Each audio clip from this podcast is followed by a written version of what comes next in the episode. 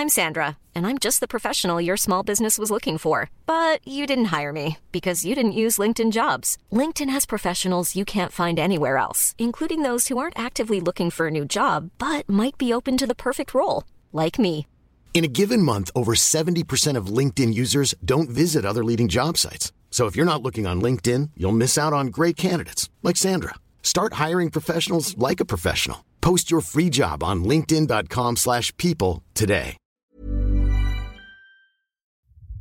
When people are happy with risk and embrace risk, then by definition, uh, prices go high.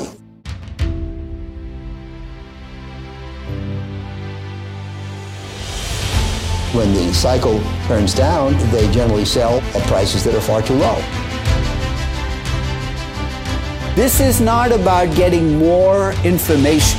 We live in a world where we have too much data. I'm uh, happy to report another stable quarter. Hallå och välkomna till ett nytt avsnitt av Aktiesnack. Det här är en podd som görs av och i samarbete med Kalkyl. Och idag är jag själv som programvärd då min kollega Magnus är på Malta och han har det förhoppningsvis väldigt gött där. Med mig i studion idag är dock de verkställande direktörerna för CRM slash SAS-bolagen Upsales och Lime, Daniel Wikberg och Nils Olsson. Idag är tanken att vi ska gå på djupet gällande den nordiska CRM-marknaden där såklart Upsales och Lime får störst fokus. Och för de som inte känner till det så är ju Upsales och Lime dessutom konkurrenter till varandra och det här hoppas vi såklart ska mynna ut i ett givande och spännande diskussionsforum. Innan vi kör igång den här dubbelintervjun kan jag passa på att meddela att både Upsales och Lime såklart finns hos Pinpoint Estimates. Pinpoint är en plattform där du som investerare kan lämna estimat inför dina aktiers rapporter. Gör du det så får du ta del av alla andra investerares estimat och ett konsensusvärde av dessa. Så jag säger stort tack till vår huvudsponsor Pinpoint Estimates och varmt välkomna Daniel och Nils. Tack så mycket. Tack så mycket. Hur är läget idag? Det är eh, toppen tycker jag. Ja, kan bara instämma. Solen skiner i Härligt. Stockholm, vilket som där vi är idag. Ni var på ett tech-event igår också va? Hur, Stämmer. hur gick det?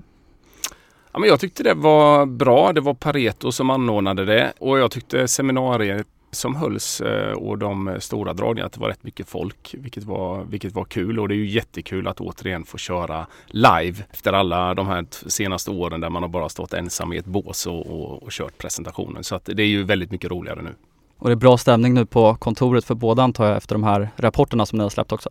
Alltså generellt sett, vi, vi pratar ju väldigt, väldigt lite kring, eh, kring eh, aktien eller aktiemarknaden generellt sett på Lime. Så att, så att vi, vi har vissa nyckeltal som vi följer hela tiden. Men det hade vi gjort oavsett om vi hade varit liksom ett börsbolag eller inte. Sen är det ju naturligtvis eh, alltid kul att stänga ett kvartal med, med, med en bra rapport. Det, det gör ju livet eh, naturligtvis lite lättare. Jag kan bara instämma. Jag tycker att eh, alltså det blir ju så. Vi har varit listade nu i tre år och sen är det ju så att kvartalsrapporten kommer ju fyra, fem, sex veckor efter att kvartalet är slut. Så att internt så känns det ju ganska ofta som att det är lite old news så att säga. Mm. Och det är ju helt andra saker man pratar om på, på liksom måndagsmötena med, med personalen. Sen kanske det blir en indirekt effekt, till exempel nya anställningar och så vidare, att, att det faktiskt känns bra i hela verksamheten. Nej, men och vi säger det också tycker jag i, i rekrytering just att, att eh, skillnaden mellan att vara ett listat bolag och inte listat bolag är ändå ja, påtaglig tycker jag. Och det ser man också nu efter liksom layoffs och sånt som har varit i techbranschen att fler och fler kandidater har liksom kollat upp bolagens ekonomi och läst årsredovisningar och sådär och liksom, Mm. men det känns tryggt att ni ändå verkar vara ett bolag som tjänar pengar så att det här kan man nog jobba kanske längre än några månader. Ja, det var lite dit jag ville att, komma. Ja. Ja. Jag vill också säga innan jag börjar skjuta lite mer frågor till er att ni Mm. såklart också får ställa frågor till varandra och diskutera saker sinsemellan också. Men jag tycker väl att vi kort också börjar med att presentera både vilka ni är och vad Upsales och Lime är för bolag. Mm. Så Nils, vi kan börja med dig. Berätta kort om dig själv och din bakgrund och Lime Technologies. Ja men absolut. Ja men om man börjar från början då. Smålänning med rötter på västkusten som de senaste 17 åren har bott i eh, Stockholm.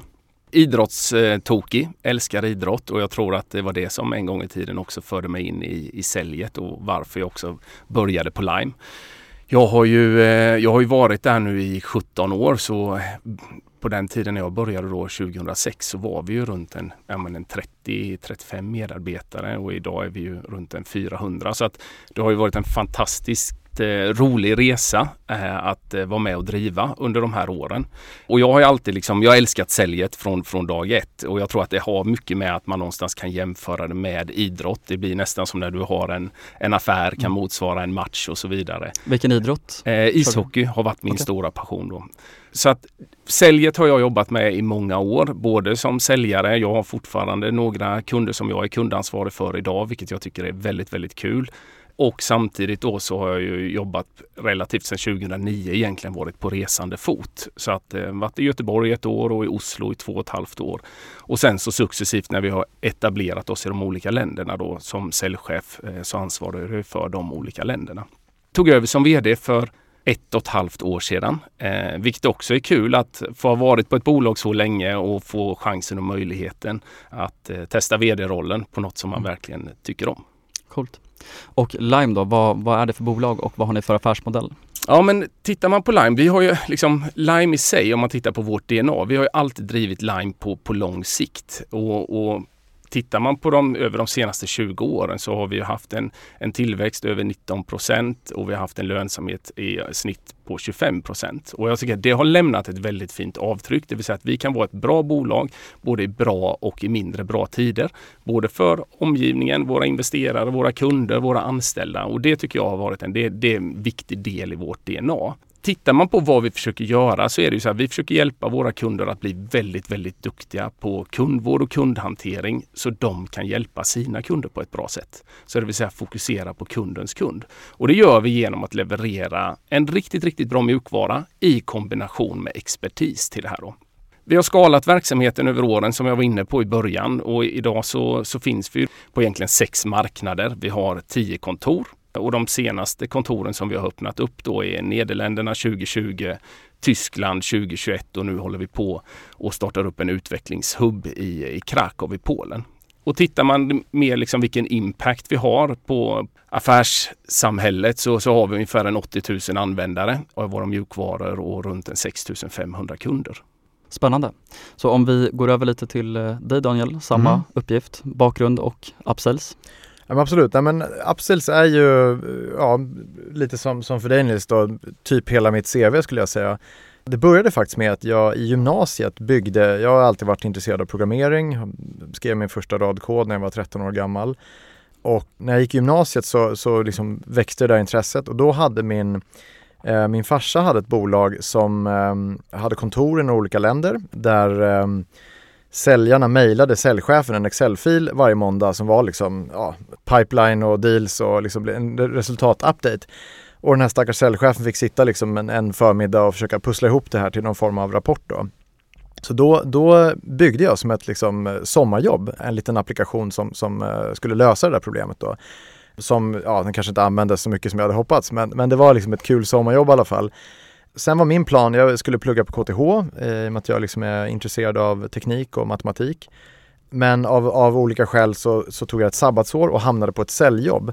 Och det var ju lite som att ett nytt liksom, universum öppnade sig för att sälj som yrke tycker jag, det är liksom inget man hör talas om när man, när man eh, går i skolan. Man träffar liksom syokonsulent som fanns på, på min tid och då kunde man bli liksom läkare eller rörmokare eller massa grejer men det var liksom ingen som pratade om att man kunde bli, jobba med sälj och det är ändå ett av, ett av Sveriges största yrken. Så att eh, då insåg jag att jag hade någon form av säljtalang och liksom tyckte det var väldigt kul. Och ja, ett eller två år efter det så, så såg jag liksom att de här systemen som, som man satt i, framförallt på den tiden, var väldigt liksom eftersatta och, och inte så användarvänliga. Så det var liksom startskottet till att vi startade Upsales då.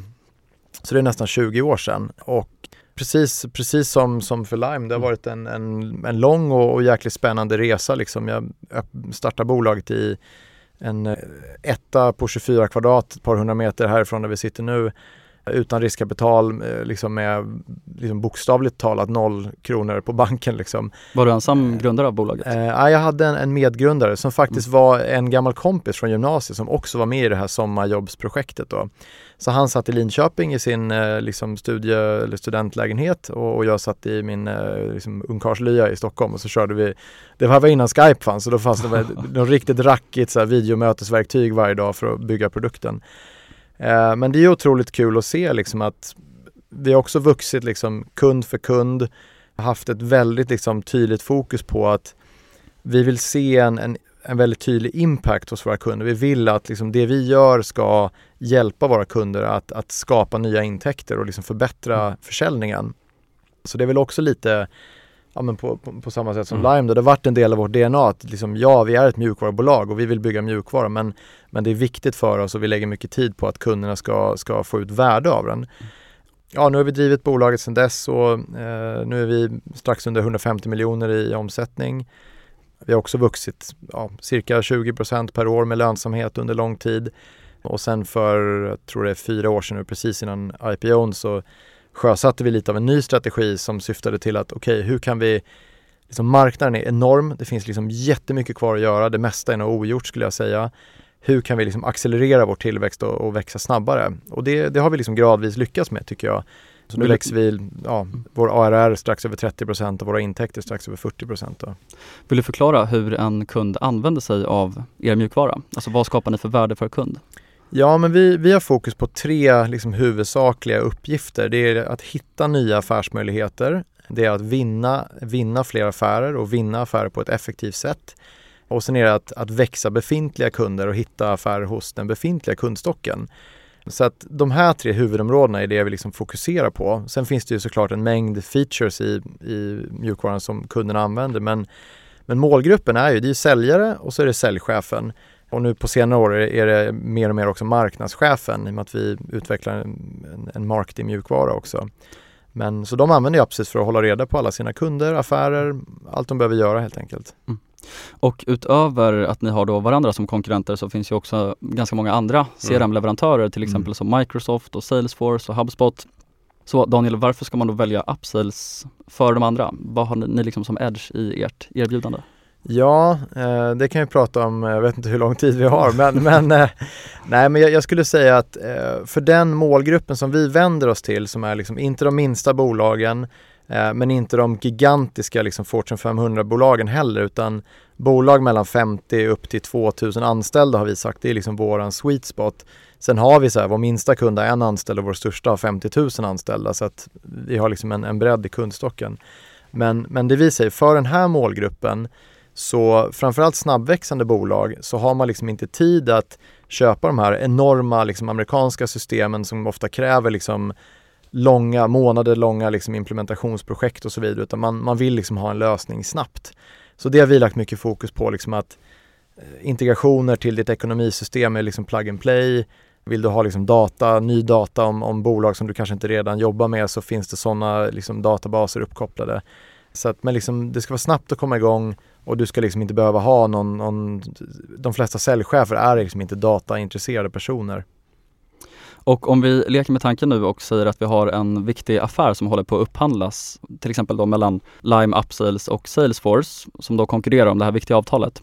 Om du då Nils får välja två säljargument för att stänga den här viktiga dealen, vad hade det varit? Ja, men eh, jag tror, det, dels måste man ju titta på, du måste bemöta egentligen var, varje bolag för sig för att mm. det är mm. olika argument om du, om du har upsales eller om man mm. möter Salesforce. Så att som säljare i det läget så måste man liksom kunna konkurrensbilden och du måste ha argumenten mot båda. Men om man tar Salesforce som alternativ, eh, vilket jag tycker är, är, det är ju den största motpolen då mot, mot vad, vad vi är. Jag menar, där är ju framförallt att vi är en lokal leverantör. Vi, vi finns nära våra kunder runt om i Sverige, runt om i Norden och även i Europa.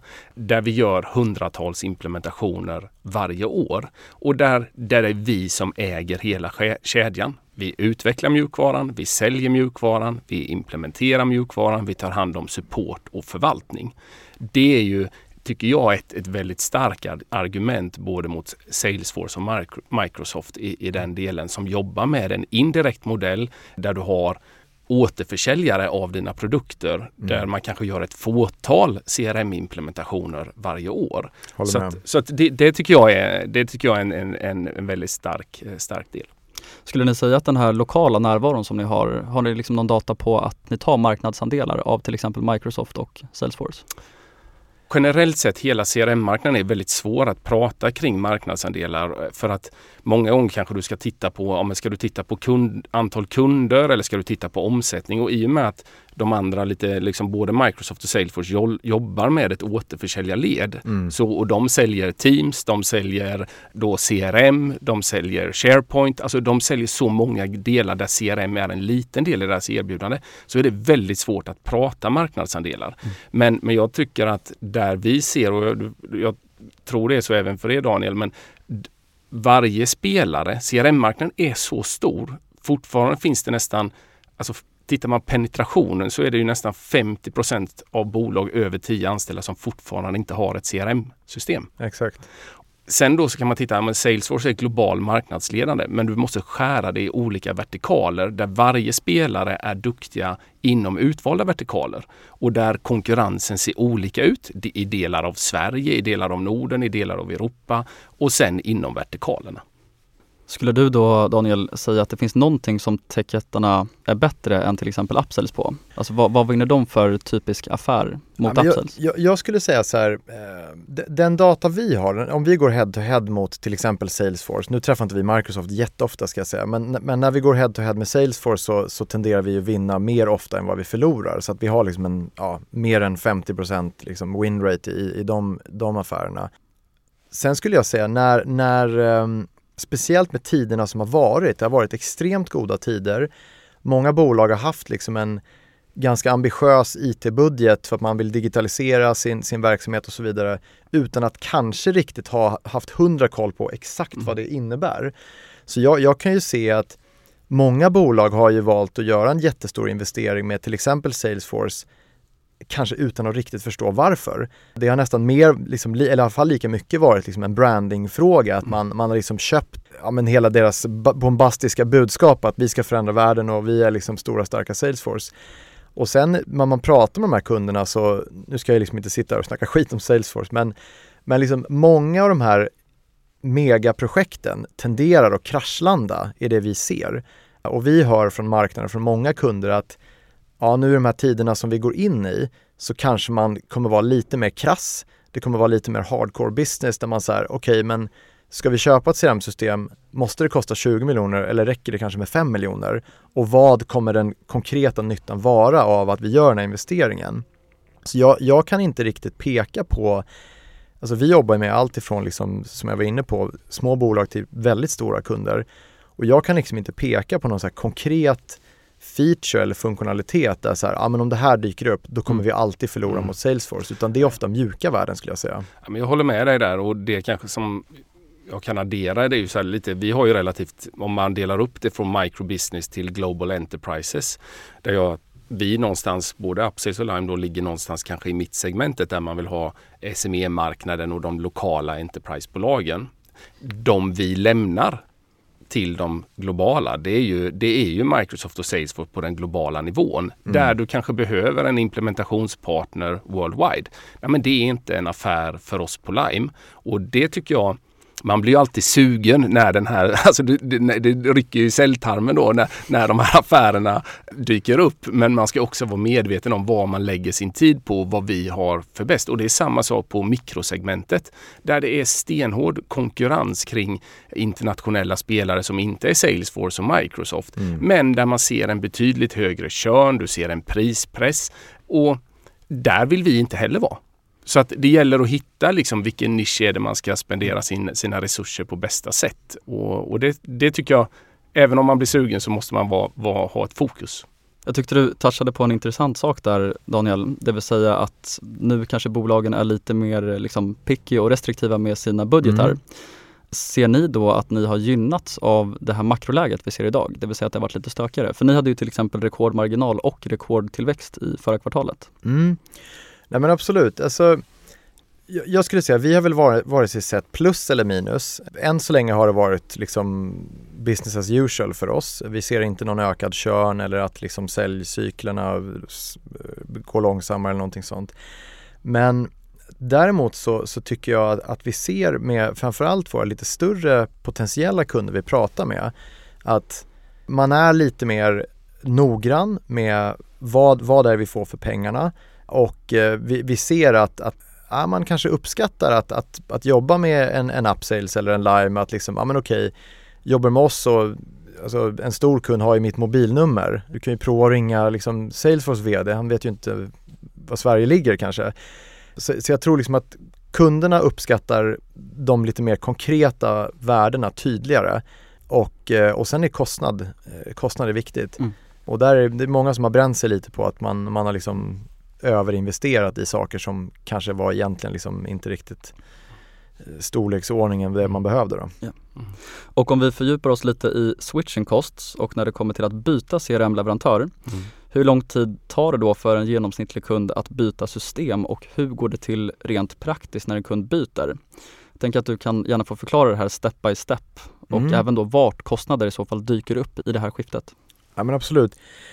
Nej, men vår modell den är ju att man betalar en, en årsavgift eller månadsavgift per användare eh, och sen kan man då köpa ytterligare add-ons, eh, ytterligare moduler då i, i, takt med att man får mer liksom, utökade och komplexa behov. Och sen har vi en liten del services, framförallt på våra större kunder som behöver kanske mer anpassade integrationer eller anpassade liksom, rapporter och vad det nu kan vara. Men jag skulle säga att det som händer då, kunden signar, vi sätter upp ett konto. Det här kan vi göra liksom inom en timme. Och sen kör man då en onboarding session eh, som är liksom, ja, är det en liten kund så är det en timme eller två. Man sätter upp hela systemet, man sätter upp alla integrationer och så vidare. Och sen så liksom utbildar man användare och ser till att de kommer igång. Det är liksom typscenariot för en, en mindre kund med kanske 10-20 säljare.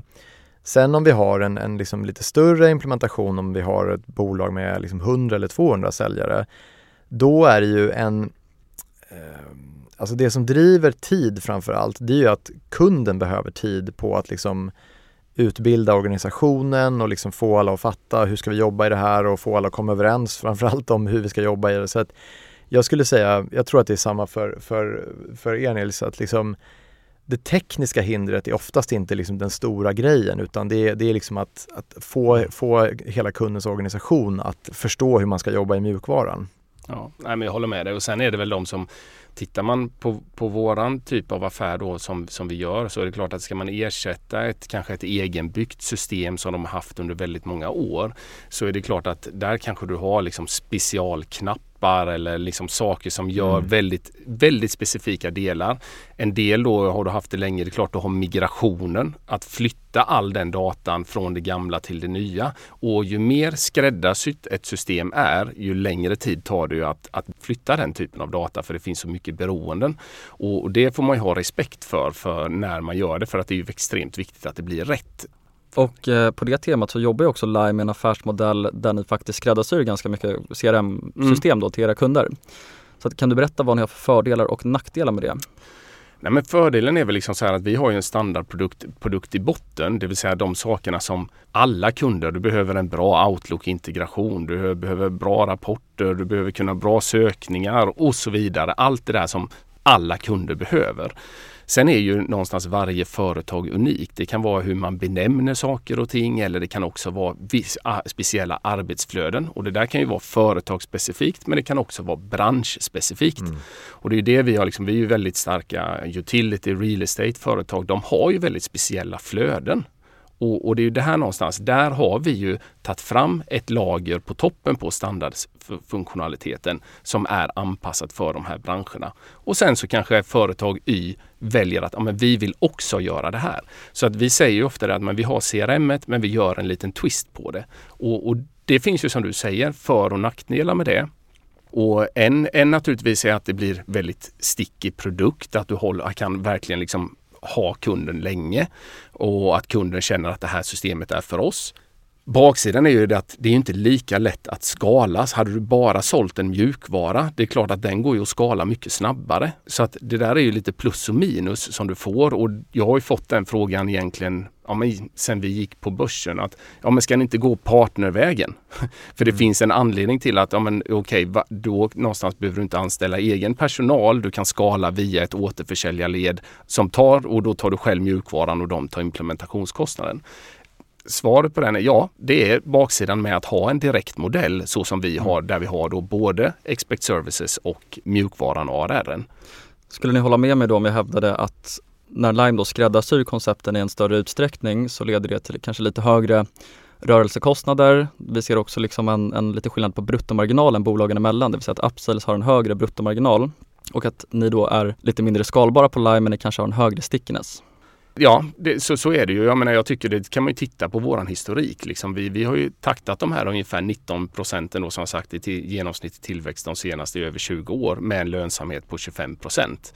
Och det är ju liksom så här att det är svårt att skala det till 70 procents eh, tillväxt. Det där är intressant, det här med, med, med partners. Jag får också den frågan ganska ofta. Varför jobbar ni inte med partners? Och nu har ju vi liksom en, en mycket lägre del services men vi, vi har ju inga partners, inga återförsäljare, inga implementationspartners överhuvudtaget. Och det är ju, det viktigaste skälet till det är ju att feedbacken vi får från kunderna, den är så otroligt värdefull när vi utvecklar produkten och liksom utvecklar hela vår, vår business. Och den tror jag man skulle liksom tappa helt om, mm. man, om man gick via partners. Sen tror jag också att vi hade ju en liksom lite högre andel services historiskt. Men där har vi valt att och det här tror jag kanske är skälet också till att min bild är att det är ganska sällan vi går head to head. Mm. Det är ganska sällan vi möter liksom mm. Lime ute på marknaden. Och det har nog att göra med att vi, vi har liksom valt ett segment där det är lättare för oss att liksom lösa kundernas problem eh, i större utsträckning utan anpassningar. Så, så, det är liksom, det är ju, jag tror verkligen Men det är som du säger, det är lite olika, kravet, ja, och liksom. lite olika segment som man vänder sig till. Så att jag håller med dig då. Och jag tycker också än om man jämför, ja men det är klart man skulle kunna gå mot en, det skulle ju både ni och vi kunna göra, gå mot en partnermodell. Men samtidigt blir vi ju precis likadana. Vi blir ju precis som Salesforce och Microsoft. Vi tappar våran edge lite ja, grann då. och det tycker jag är liksom också en, en viktig komponent i det. Att ja, men vi är en lokal spelare där vi själva tar ansvar för hela resan. Så vill de ringa mig eller våran utvecklingschef eller säljchef eller vem det är är så kan de göra det utan problem och det är ju att vara nära kunden i alla led och jag, jag tycker det är jäkligt eh, kul att, mm. att kunna erbjuda kunderna det på marknaden. Ställer det här lite andra krav också på vilka ni anställer på Lime? Till exempel att de måste vara tekniskt duktiga förutom att vara bra säljare till exempel? Jo, men det, nu vet jag inte exakt vilka andra, vad de andra anställer för profiler, men, men jag menar vi tittar ju, ofta så har ju våra, alla våra anställda har en universitetsutbildning till exempel och, och många är ju ingenjörer. Mm, eh, så, att, så att det är klart att ja, ju mer komplex mjukvara du säljer, där inte allting är liksom inboxat i exakt så här ska det vara, ju mer kunskap kräver ju det i, i, i säljet. Så att ja, mm. det, det, det, det är mycket möjligt att det är så. Så om vi går in lite på kapitalallokering och nyckeltal då. På Lime så har ni ett mål om att dela ut 50% av vinsten. Mm. Varför delar ni ut pengar istället för att förränta kapitalet i verksamheten? Det kanske är ett styrelsebeslut dock. Jag vet inte om du sitter i styrelsen också? Äh, men jag kan svara på mm. den att jag, jag, vi klarar av att göra båda. Det är väl mm. det enkla svaret att jag tycker så här med den, eh, vi är väldigt starka ekonomiskt och vi gör ju massa investeringar. Vi investerar i, i vi ombordade 60 nya medarbetare nu i Q3. Vi investerar i Nederländerna, vi investerar i Tyskland, vi investerar i en utökad produktavdelning i Krakow. Så att jag tycker med den, med den bolaget vi är idag så tycker jag det är jäkligt häftigt att vi, vi kan göra båda. Det är mm. nog den stora anledningen. Jag tyckte det var lite spännande för Upsells utdelningspolicy, den ser lite annorlunda ut. Den är lite mer flexibel skulle man kunna säga. Berätta mer om den här utdelningspolicyn och varför ni har formulerat den som ni har gjort, Daniel.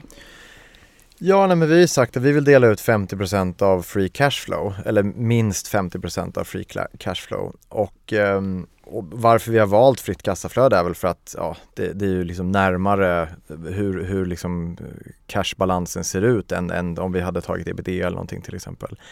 Men, men jag håller verkligen med dig Nils där, att jag, jag får också den frågan liksom på nästan varenda investerarmöte. Bara, men ni har den här kassan, vi har inga skulder, vi är netcash.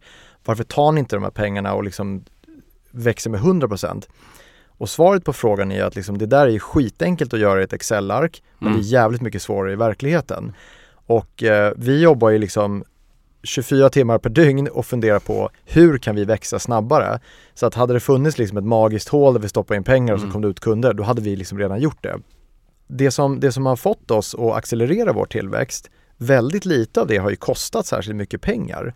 Utan det har ju handlat om att hitta nya vägar och liksom hitta sätt att jobba mer effektivt. Och alltså de problemen man behöver läs, lösa med att liksom rekrytera bättre och jobba mer effektivt, de blir liksom inte ens 10% lättare med mer pengar. Alltså operational excellence kan du liksom inte köpa. Så, så det, är väl, det, är väl, det är väl vår syn på det. Mm. Jag tyckte det var lite intressant för i policyn så står det också att om businessen behöver mer kapital för att växa och ni tycker liksom att det är korrekt så kan Mm. ni också justera lite utdelningen, alltså hur, hur stor den blir. Mm, exakt. Betyder det då att om ni ser väldigt bra ROI till exempel på någon, någon, någon typ av investering, kanske då i Storbritannien till exempel, så Mm. kan ni välja då medvetet att skära ner på utdelningen för att satsa internt istället då? Nej men absolut, och jag tror det där är väl nästan en standardskrivelse. Alltså väldigt många bolag har ju det här i sin utdelningspolicy att det här är vår policy med reservation för att om businessen behöver pengar så, Mm. så, så, så kanske vi delar ut mindre pengar. Mm. Och det där hänger ju också ihop med hur vi ser på lönsamhet. Alltså det är klart att vi vill ju driva up- upsales på ett liksom ansvarsfullt och effektivt och lönsamt sätt. Men om vi ser i, i liksom Q1 nästa år att så här, okej, om vi gör det här, då kommer vi verkligen accelerera vår tillväxt. Det betyder att vår ebit går ner till 10% under det kvartalet. Då kommer vi absolut göra det. Vi är liksom inte ett bolag som, som eh, optimerar eller trimmar marginalen kvartal till kvartal utan vi, vi är liksom väldigt fokuserade på, på, på tillväxt. Sen jag personligen, jag har ju drivit det här bolaget i 20 år och eh, sett liksom, eh, ja, alla hundratals bolag som har tagit in riskkapital och bränt pengarna och inte kommit någon vart och så vidare. Så att jag skulle aldrig, jag skulle aldrig klara av liksom rent psykiskt och liksom driva upsales under lång Mm. tid med röda siffror eller med, med negativt kassaflöde. Jag skulle liksom inte jag skulle inte klara av det rent mentalt tror jag. Så att det är ju nästan en så religiös uppfattning i bolaget. Ja. Men jag tror det är som du är inne på. Jag, jag tycker så här att om man inte går bara tillbaka, ett, ja men det räcker ju att gå tillbaka nu 8-9 månader. Eh, eller ja, eh, i 2021 att ja, men då fick du frågan så här, men alla vill ju ha tillväxt. Varför ska ni ha lönsamhet? Varför ska ni ha Exakt. lönsamhet? Det, det är bara att gasa. Och sen så vänder ju den här eh, kuttingen rätt snabbt. Att ja men vad kul med Som nu. lönsamhet, vad, vad härligt det är. Och jag tror så här, man måste bestämma vilket företag man vill vara. Eh, Mm. Precis som du säger att man kan inte driva det där på ett kvartalsbasis och tro att ja, men nu ska vi göra, nu, nu vill marknaden ha det här, ja, men då gör vi så. Utan man får ju ha en grundsyn i vilket bolag vill vi vara? Och ut efter det så, så ska vi agera och det kan du inte göra på, på ett kvartal till ett annat. Eller vilka vindar som blåser liksom externt. Utan vi tror ju på en, en riktning och så får man ju liksom kämpa varje dag för att bli lite bättre. Och det intressanta med det där, eh, för jag har ju fått exakt samma, liksom, Ja. och en del, är ju, en del har ju nästan varit så här idiotförklarande. Mm. Så här, va, hur kan ni vara så dumma att ni inte använder kassan för att göra det här? Och det jag har märkt att liksom samma personer träffar man nu eh, sista månaderna och säger då att så här, otroligt bra att ni är liksom effektiva och lönsamma och Ja. sånt. Så att, nej, det är verkligen så, marknaden har ju svängt, så Ja. är det. Nothing change sentiment like price. Exakt. Och två eh, både vanliga och viktiga nyckeltal för investerare när det kommer till SaaS-bolag det är ju Mm. churn och NRR, alltså Net Revenue Retention. Och churn har ju dykt upp här, ni har ju nämnt det båda två Mm. tidigare. Men varför redovisar inte ni churn? Ja men tittar man på den där, vi har ju tagit det beslutet, vi tog ju det beslutet när vi gick publikt då i, i 2018 och egentligen så är det att skulle vi göra det, vi har idag liksom många plattformar. Vi har eh, legacy-plattformar som vi inte säljer aktivt. Vi har förvärvade plattformar som vi inte säljer aktivt. Och det gör att det nyckeltalet som många då, vad ska säga, framförallt investerare vill ha när du tittar på net retention, det hade inte speglat den bilden och det nyckel, nyckeltalet som faktiskt hade varit rättvisande. Och skulle vi göra det, då hade vi behövt redovisa det per egentligen plattform. Och det blir alldeles för granulärt för Mm. oss och därför gör vi inte det. Sen naturligtvis, jag, jag tycker så här, ja, men ska man vara helt hysch nej det där behöver man inte göra. Jag tycker så här, nej, men Tittar man på kund, det räcker ju bara att titta på kundstocken egentligen. Tittar på Lime CRM, vilket är en mycket mer stickig produkt. Den är anpassad, den har mycket integrationer och så vidare, mycket add-ons. Ja, och når fler användare. Ja, men det är inget problem med körnen. Tittar man på Lime Go då, där vi har en del mycket en, tvåanvändare, ja men där är körnen högre. Och hade jag velat minska körnen i LAMGO, Ja, det hade jag velat göra. Så att det är ju inte det, men däremot så blir det inte rättvisande att liksom titta på det på, det blir för granulärt för, för att redovisa det. Mm. Jag har en eh, väldigt eh, distinkt uppfattning i den här frågan. För jag får också den här frågan ibland och jag tycker att alltså, både Körn men även andra liksom mer operationella KPIer. Alltså i ett bolag som Upsales, vi är liksom knappt 150 miljoner i omsättning. Vi är liksom ett, ett dynamiskt företag där det händer väldigt mycket. I ett bolag av den sizen så tenderar liksom alla möjliga siffror att svänga ganska mycket. Och vill man liksom på riktigt förstå, okej, okay, hur fungerar upsales, vad är det som driver vad? Då behöver man ju liksom spendera ett par dagar med mig i ett konferensrum. Så att vi, så här, vi är superstolta över alla våra operationella KPI. Vi har liksom låg körn, vi har liksom rekordhög kundnöjdhet och så vidare.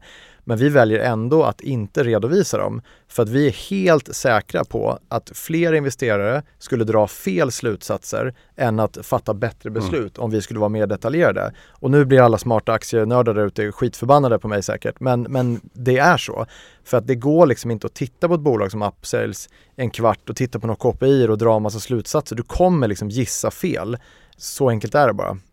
Och eh, Daniel, du nämnde ju tidigare på tal om körn att ni inte hade sett någon stigande körn nu under liksom, den vikande konjunkturen. Gäller det samma sak för er på Lime, Nils? Ja, jag ser ingen, eh, ingen skillnad i den. Eh, utan eh, tittar man på liksom eh, vad som snarare hände under Q3 så ser jag ju att nyförsäljningen gick, går ju åt rätt håll snarare än liksom att det är, det, det är en körnfråga i, i Q3. Så att det är jag väl tacksam över. Jag tycker så här, vi har ju kommit tillbaks från liksom att den dippade under, under direkt när pandemin slog till och sen så successivt ökat. Så jag, jag tycker det, det, var, det var väldigt positivt att se under kvartalet. Ja. Och om vi då går över till lite Twitterfrågor. Mm. Så här tänker jag att ni kan få svara på varannan fråga. Första frågan är till dig Nils och det är då om ni ser någon påverkan negativt som positivt utifrån det här makroläget. För nu frågade jag ju om ni hade till exempel haft någon förändring på körn. Men är det någon annan sak som ni ser som förändring då till följd av konjunkturen? Nej, men det, det tycker jag inte äh, än så länge. Jag tycker som sagt, vi var inne på det lite och touchade på det. Jag tycker än så länge vi är relativt förskonade. Man ser liksom en, en bra, fortsatt bra orderingång och så vidare. Det jag ibland kan uppleva det är ju lite det här att de är, du var inne på det själv Daniel, där, att man är lite mer noggrann. Och för mm. mig, ja, det vi stöter på ibland är det så här att om Innan kanske man gjorde både investering A, B och C och det gör att nu kanske du någonstans väljer mellan investering A och B. Mm. Så att det gör att vi som säljare, vi måste ju vara mycket duktigare på att egentligen bevisa värdet. Varför ska kunden investera i våra produkter. Och från våran sida, vi jobbar ju med säljstöd, det är ju ena benet och det andra är ju mer om du tänker dig helpdesk-sidan. Det kan ju vara effektiviseringar. Vi hjälper ju mycket energibolagen nu när de har väldigt mycket kundförfrågningar. Hur ska vi kunna göra det där snabbare? Så att det tycker jag man måste vara bättre på som säljare. Sen så har vi ju varit igenom många lågkonjunkturer innan på Lime och med den ställningen vi har så ser jag alltid en, jag tycker att det är, på ett sätt är det här bra för det ger oss en möjlighet att gasa. Det vill säga att fortsätta investera när det är lite tuffare marknad. Både att anställa fler personer, att vi öppnade upp Nederländerna 2020 precis när pandemin slog till. För det att vara redo när marknaden öppnar upp. Och det är så vi vill utnyttja den här sättningen. Vad skulle du Daniel säga är din främsta uppgift som VD? Ja, det där är ju en jättebra fråga. Jag var glad att du fick den. Ja, nej, men alltså det, jag, jag funderar väldigt mycket på det där och det Ben Horowitz som jag är ett stort fan av, han skriver i sin bok att eh, the output of the CEO is decisions. Och, och det stämmer ju. Och liksom, mitt jobb är att fatta bra beslut. Men vad det betyder i praktiken, det är ju liksom otroligt svårt att svara på. Vad, vad ska man göra om dagarna? Mm. Det, det försöker jag fortfarande lista ut om jag ska vara helt ärlig. Nej men skämt åsido så, så vi, vi, driver ju, vi försöker driva en väldigt effektiv organisation. Så att jag tror att jag tror att jag är kanske lite mer operativ än liksom den genomsnittliga liksom vdn i, i bolag av vår storlek. Men, men jag lägger väldigt mycket tid på att säkerställa att hur vi utvecklar teamet, organisationen och vilken typ av människor vi rekryterar, att den är liksom toppklass. För det är, liksom, det är hela hemligheten bakom vår framgång. Att kan vi liksom bara kan nästa rekrytering vara 10% bättre än den förra så över tid så får du en enorm effekt. Och ett viktigt mått för oss är ju ARR eller revenue per anställd. Så att, och där ser man väldigt tydligt att liksom Fattar du fel beslut, ja men då behöver du liksom fler personer för att göra samma jobb. Fattar du, hittar du en stjärna kan ibland göra lika bra jobb som tio personer. Mm. Så att det är väl någonting jag brinner mycket för. Det är lite samma sak på utvecklingssidan ju, där du kan hitta riktiga, riktiga S liksom. Exakt. Men Nils, du kommer tyvärr inte undan. Då nej, kör vi samma nej, fråga till dig. Nej, men jag, för mig är det att vara nära businessen tycker jag det, det är jätteviktigt för mig. Jag är, inte, jag är också rätt eh, operationell eh, och, och, är runt på våra kontor väldigt mycket. Jag eh, träffar ju alla vi rekryterar. Så att i år har vi ju rekryterat 86 eh, personer, förra året rekryterade vi 100. Så att under vissa perioder så är det ju väldigt mycket rekrytering eh, för mig. Och det är både en möjlighet för den anställde tycker jag att få kvalificera oss och mm. mig. Men också en chans att jag får berätta, men vilka är vi och vart vill vi?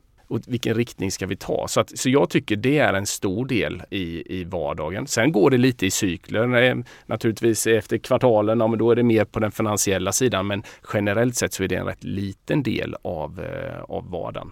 Vilket jag än så länge tycker, jag tycker det är en bra fördelning. Ja. Så Nils, vilka typer av affärer vinner då oftast Lime och vin, vilka vinner oftast Upsales ja. och varför? Nej, men som jag var inne på från början så tror jag att det man ska se är att eh, CRM-marknaden är relativt uppdelad i liksom olika vertikaler och olika geografiska marknader där varje leverantör har sina styrkor och svagheter mer eller mindre. Och, och tittar man på eh, Upsale som är jätteduktiga inom, inom techsidan. Där tror jag eh, Upsales vinner, vinner många affärer. Och vi har ju våra fyra vertikaler som jag brukar prata om med då liksom energibolag, fastighetsbolag, partihandel och industritekniska konsulter. Så att där någonstans skulle jag säga, där är, är, är nog win. Håller du med Daniel? Ja, men jag tror det. Jag tror att det, det, är, liksom, det är inte så, det är inte riktigt svart eller vitt att så mm. säga vem har den bästa eller sämsta produkten utan det handlar nog om att vi, vi fokuserar på olika kundgrupper helt enkelt. Ja. Så Daniel, vad skulle ni då heta om ni bestämde er för att mergea de här bolagen? Um, den slime kanske, jag vet inte. nej, nej jag, vet, nej, jag vet inte. Hur tror du att eh, verksamheten ser ut om fem år förutom att den då är större Nils? Ja det är också, nej men i stora drag, jag, jag vill ju fortsätta, det, vad jag tror på, att skapa ett, liksom ett värderingsstyrt bolag i grund och botten. För jag tror att det i det långa loppet kommer prestera bättre. Det är liksom en grundtanke och att vi ska liksom vara någonstans ett, ett gott bolag. Sen hoppas jag när vi, när man ser, om vi sitter här om fem år igen, att vi har blivit ett mer internationellt bolag. Det hade jag hoppats på och att vi innebär att vi växer oss starkare på befintliga marknader men även att vi kanske har adderat ytterligare någon marknad. Jag tror också att vi har utökat produkterbjudandet. Vad som händer, det rör sig så sjukt snabbt. Liksom. Mm, så att det kommer ju vara massa nya, nya delar som, som vi kommer behöva addera i vår produktportfölj. Antingen gör vi det genom att bygga själv eller att vi tittar på förvärv. Så det är nog de, de delarna och jag hoppas också liksom att vi har flyttat fram våra positioner inom vertikalerna och kanske adderat ytterligare någon vertikal. Är det någon speciell internationell marknad som går extra bra och varför tror du att den går extra bra i så fall? Ja, men jag tycker vi har, alltså att bygga bolag tar ju tid. Det har man ju insett. Jag menar, mm. Daniel, du har hållit på i 20 år och, och vi har på, på länge också. Det innebär ju att när, när vi tittar nu, jag tycker Norge har gjort det jättebra från våran sida under, under ett par år nu, vilket jag är väldigt glad för. Det där är lite som en berg och dalbana och eh, man tycker så här, nu har vi löst det och så ja vad fasen, får vi börja om lite igen. Och så har det varit många gånger. Men jag tycker där, där, där går det är bra tryck. Daniel, vad är er största utmaning kommande tre åren? Jag skulle säga att eh, vår största utmaning tror jag inte handlar om liksom konkurrens eller sådana saker. Det är klart att, som Nils är inne på, så här, det, det händer otroligt mycket så att vi, vi måste vara på tårna och ligga liksom i framkant med innovationen hela tiden.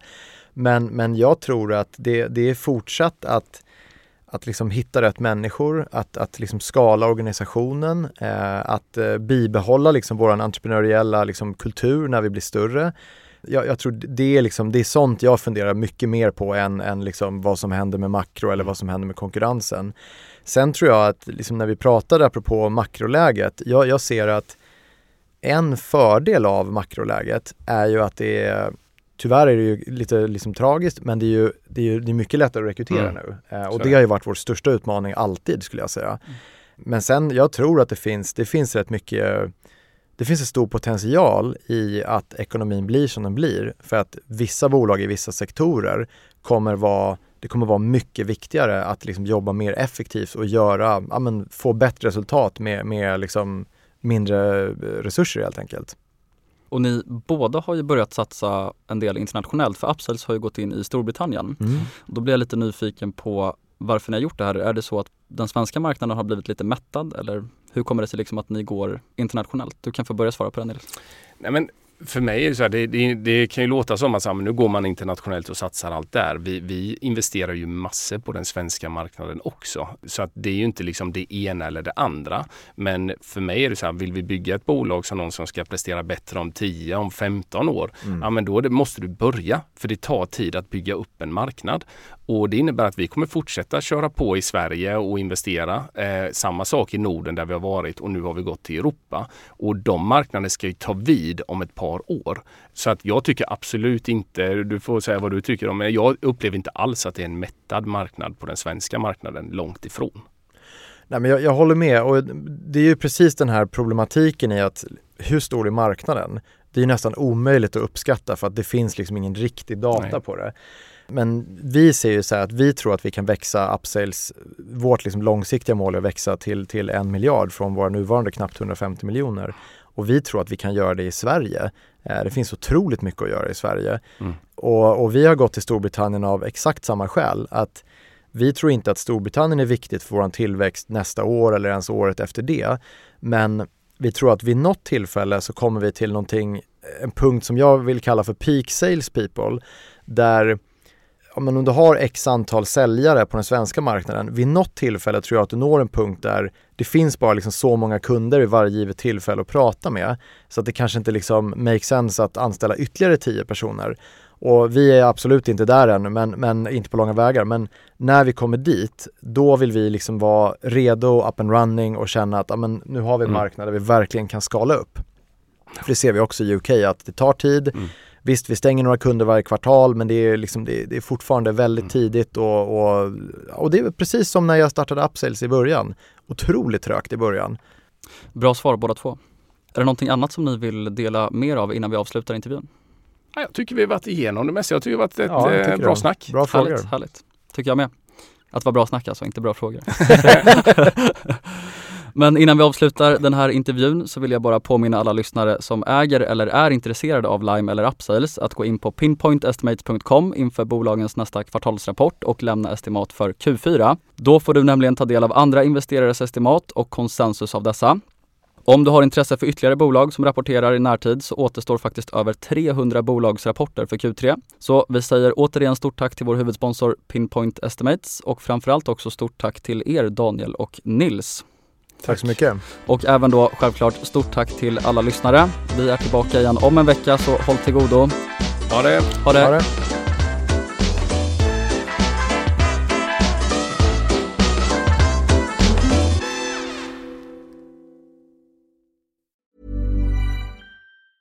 Mom deserves the best, and there's no better place to shop for Mother's Day than Whole Foods Market. They're your destination for unbeatable savings, from premium gifts to show-stopping flowers and irresistible desserts. Start by saving 33% with Prime on all body care and candles. Then get a 15-stem bunch of tulips for just $9.99 each with Prime. Round out Mom's menu with festive rosé, irresistible berry chantilly cake, and more special treats. Come celebrate Mother's Day at Whole Foods Market.